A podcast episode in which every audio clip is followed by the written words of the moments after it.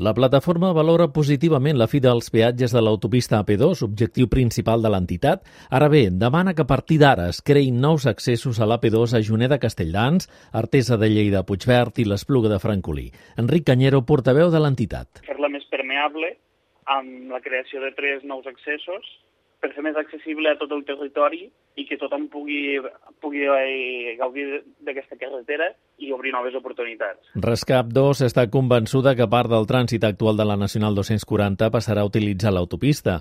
És per això que no entenen la posició de l'equip de govern de les Borges Blanques, que insisteix en la construcció d'una autovia entre Lleida i la capital de les Garrigues. Fer un desdoblament sense que sigui necessari és fer una, una fractura més al, al territori i, i un malbaratament de, de recursos públics que, que potser no caldria.